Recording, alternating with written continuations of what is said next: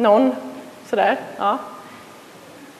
Det har jag också fått. Och häromveckan så träffade jag faktiskt en, eh, en som sa det och frågade sig själv vad ska jag bli när jag blir stor? Um, han hade blivit av med jobbet och var 45 år. Så man kan faktiskt fundera på det när man är vuxen också. Och jag ska berätta om en tjej som, hade du frågat henne vad hon skulle bli när hon blev stor, så hade hon nog sagt något helt annat än vad hon blev.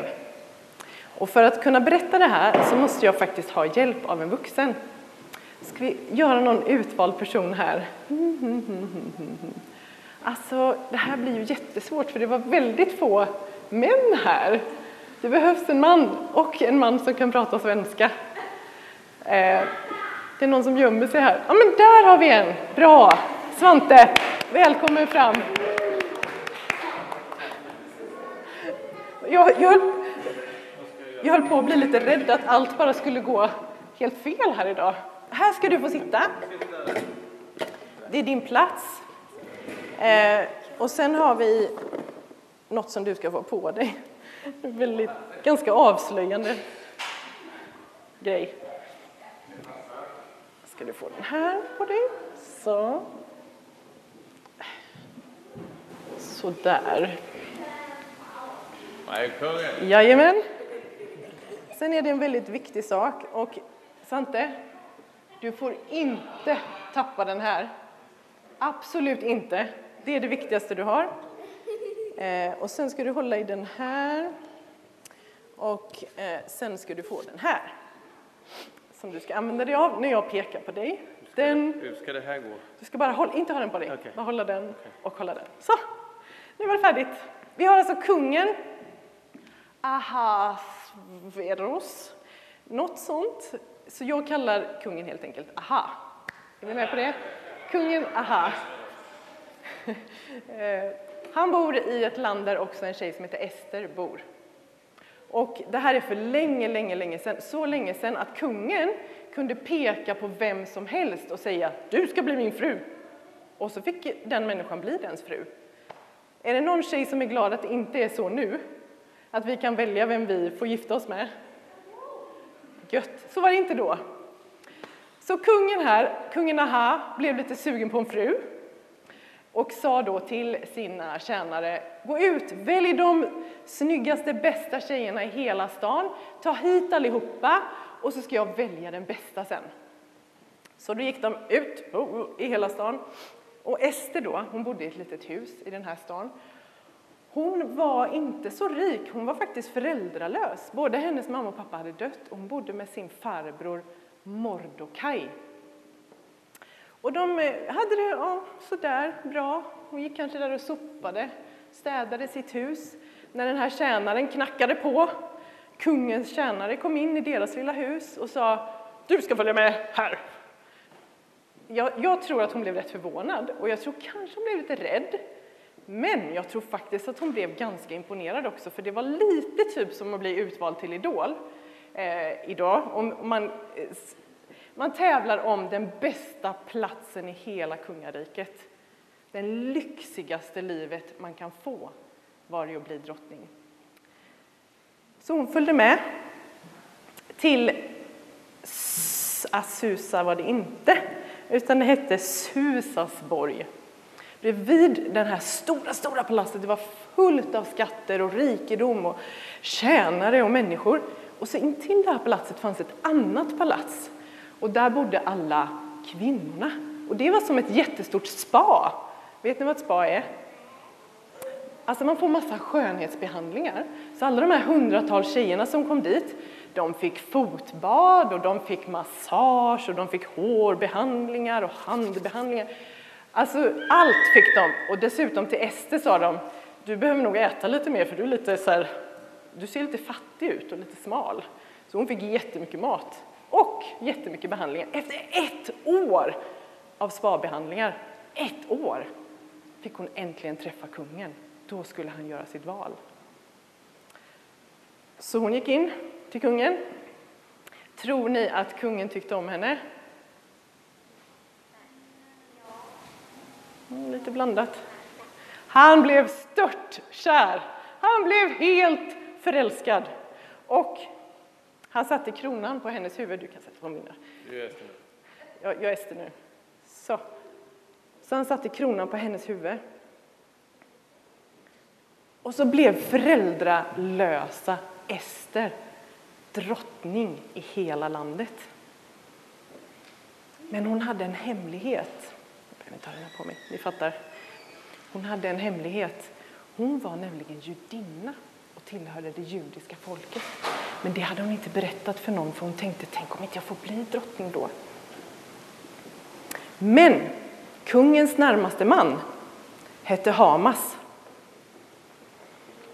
Och han tyckte inte om judar. Han till och med hatade faktiskt judar. Och han fick kungen att skriva på en bestämmelse att alla judar skulle dödas. Jag tror kanske inte kungen riktigt fattade vad han gjorde, men han var listig och fick honom att skriva på det. Så alla judar i hela landet blev ju jätterädda. Ni kan tänka er, i alla byar över hela det här landet fick de höra att de kanske skulle dödas. Mordokaj, Esters farbror, kom till Ester och sa Ester, kanske någon ska vara Mordokaj. Det är lite roligare. Egentligen behöver vi ju en mick, men någon får prata högt då. Eh, kan du göra det, Pierre? Mm. Ja. Så det är den översta där. Vad sa, vad sa Mordokaj till Ester? Ester, det är dags att avslöja din hemlighet för kungen nu. Du är den enda som kan rädda ditt folk. Ska hon avslöja sin hemlighet för kungen? Hon blev lite tveksam, för vet ni varför? Det fanns en lag i det här landet att ingen fick gå in i kungens tronsal utan att han hade kallat på dem. Och gjorde de det och han inte pekade med sin spira mot dem så skulle de också dödas på fläcken. Det är ganska farligt att gå in till kungen då om man inte har blivit kallad. Så hon var lite tveksam och tänkte han har inte kallat på mig, ska jag gå in och fråga honom om han vill rädda mitt folk? Det känns lite sådär. Då sa Mordokaj något annat. Ester, vem vet, kanske är det just för en tid som denna som du har uppnått kunglig värdighet. Kanske är det just för detta syfte som du har blivit drottning. Ni vet, livet med Gud är faktiskt väldigt spännande. För ingen människa föds på den här jorden utan ett syfte. Du, att du är på jorden precis just nu är med ett gudagivet syfte. Det är precis meningen, ingenting är slump. Och det gör att varenda dag faktiskt kan få kännas meningsfull. Jag tror inte att när Ester var liten så sa hon, jag ska bli drottning i hela landet när jag blir stor. För grejen är också, vad du än säger nu, så vet vi faktiskt inte någonting om framtiden. Ingen vet vem vi blir när vi blir stora. Någon kanske blir forskare, någon blir polis, någon blir chef, någon blir jätterik och kändis, youtuber kanske. Någon blir inte alls rik. Någon kanske inte ens kommer att ha ett vanligt jobb. Ingen vet. Men vad vi kan veta är att om vi litar på Gud, att han leder oss, så kommer han alltid leda dig till en plats där du kan göra skillnad, var du än är. Så Ester då, tillbaka till Ester. Hon kände i hela sitt hjärta att Mordokais ord nog var sanna. Jag måste göra någonting. Det här är Guds vilja. Det finns någonting som är viktigare än all den här rikedomen och lyxen och allting. Jag måste rädda mitt folk. Så hon sa till Mordecai. Det får gå som det går.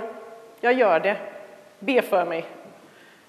Och det gjorde, det gjorde han och alla hans kompisar. Och sen sa hon till sina tjänarinnor, be för mig. Och sen så bad hon själv i tre dagar innan hon tog på sina finaste kläder. Och det är nu vi behöver en liten vakt här till hjälp. Ja. Och vi har faktiskt frågat en mycket speciell person. Varsågod. Du, då ska du stå här och så kommer Ester in här. Stopp där. Så. Och nu har Ester då förberett sig jättelänge och så kommer hon och så säger hon Får jag gå in till kungen? Nej. Får jag gå in? Snälla, får jag gå in? Och nu, vad tror ni händer när Ester går in? På skakiga ben. Ester, Kungen pekade med sin spira, kommer ni ihåg vad det betyder? Jag tror jag kommer dö. Nej, tvärtom. Som tur är. Jag får leva! Oj. Jag får leva. Och då sa ju kungen också, vad vill du? Vad gör du här? Eh, då kunde ju Ester sagt på en gång, men hon var lite lurig, hon hade lite lurig plan. Jag kan sitta så länge. Hon tänkte så här, jag ska bjuda in kungen på middag så att han blir lite extra så här god och snäll. Så hon bjöd kungen på middag och sen en middag till. Och då var ju kungen, han var ju så förtjust i Ester så det var ju bara, det här är ju den bästa tjejen. Och vad sa kungen då? Ester, vad du än begär, om det så är halva kungariket, så ska jag ge det till dig. Det är ändå ganska bra, halva kungariket. Då avslöjade Ester sin hemlighet. Då sa hon och berättade faktiskt att, det, att jag är judinna. Det finns någon som vill döda hela mitt folk. Va? Vem vill göra något så hemskt? Och då berättade Ester igen då att jag tror min kung att du har blivit lurad. Och så berättade hon om Hamas. Och då sa kungen aha. Aha. Säg det en gång till fast lite argare.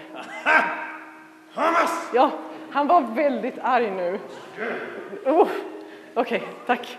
Det var väldigt mycket inlevelse. Bra. Han var väldigt arg och han stoppade hela den här planen. Så tack vare vad Ester gjorde och vågade göra så överlevde varenda vuxen, varenda barn som var judiskt i hela landet. Nu får du bara sitta kvar där lite och försöka vara lite osynlig typ. Med röd. Och det är ju så här att vi har val i livet. Du har ett val med ditt liv också. Ester hade ju levlat upp kan man säga till högsta nivån. Hon levde liksom i lyxarnas lyx, lyxtillvaro.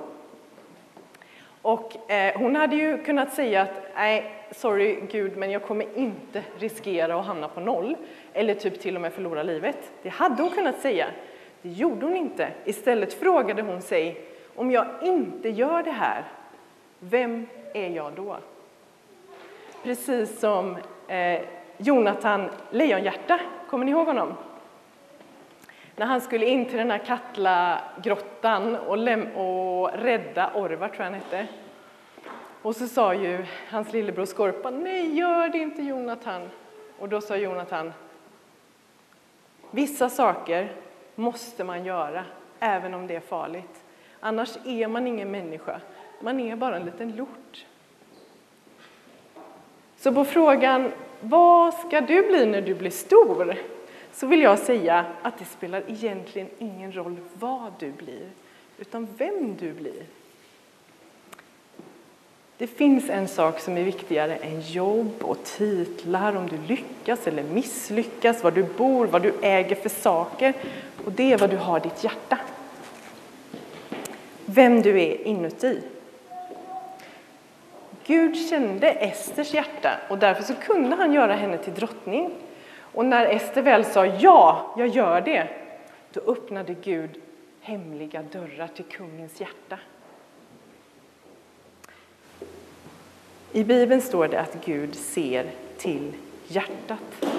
Och det betyder att det inte är så viktigt hur jag ser ut på TikTok eller på Facebook eller i styrelserummet eller i klassrummet. Det viktiga är vem jag är inuti. Så om du vänder dig till honom med dina tankar och dina problem och litar på att han leder dig och älskar dig så kommer du att hitta mening var du än kommer hamna och var du än är. Han vill leda dig till platser där du finner ro och vila. Han kommer också leda dig till platser där du kan vara en agent för honom och för hans kärleksfulla, briljanta plan för den här världen. Det är väldigt lätt att bara börja tänka på sig själv och allt man själv vill ha och be till Gud om mina önskningar och vad jag drömmer om. Men grejen är att våra drömmar är så pyttesmå jämfört med Guds drömmar. Så därför kan vi be en annan typ av bön som är så här. Gud, forma mig till den du har tänkt att jag ska vara och gör mitt hjärta ödmjukt och modigt så att jag kan tjäna dig och andra.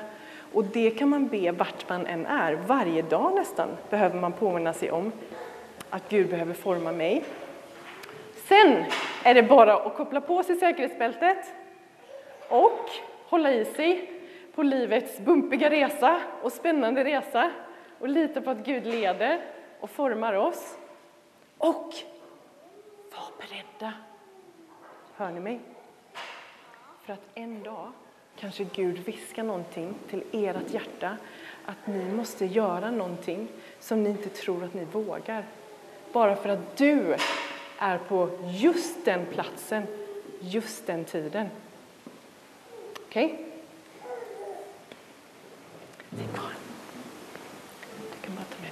Du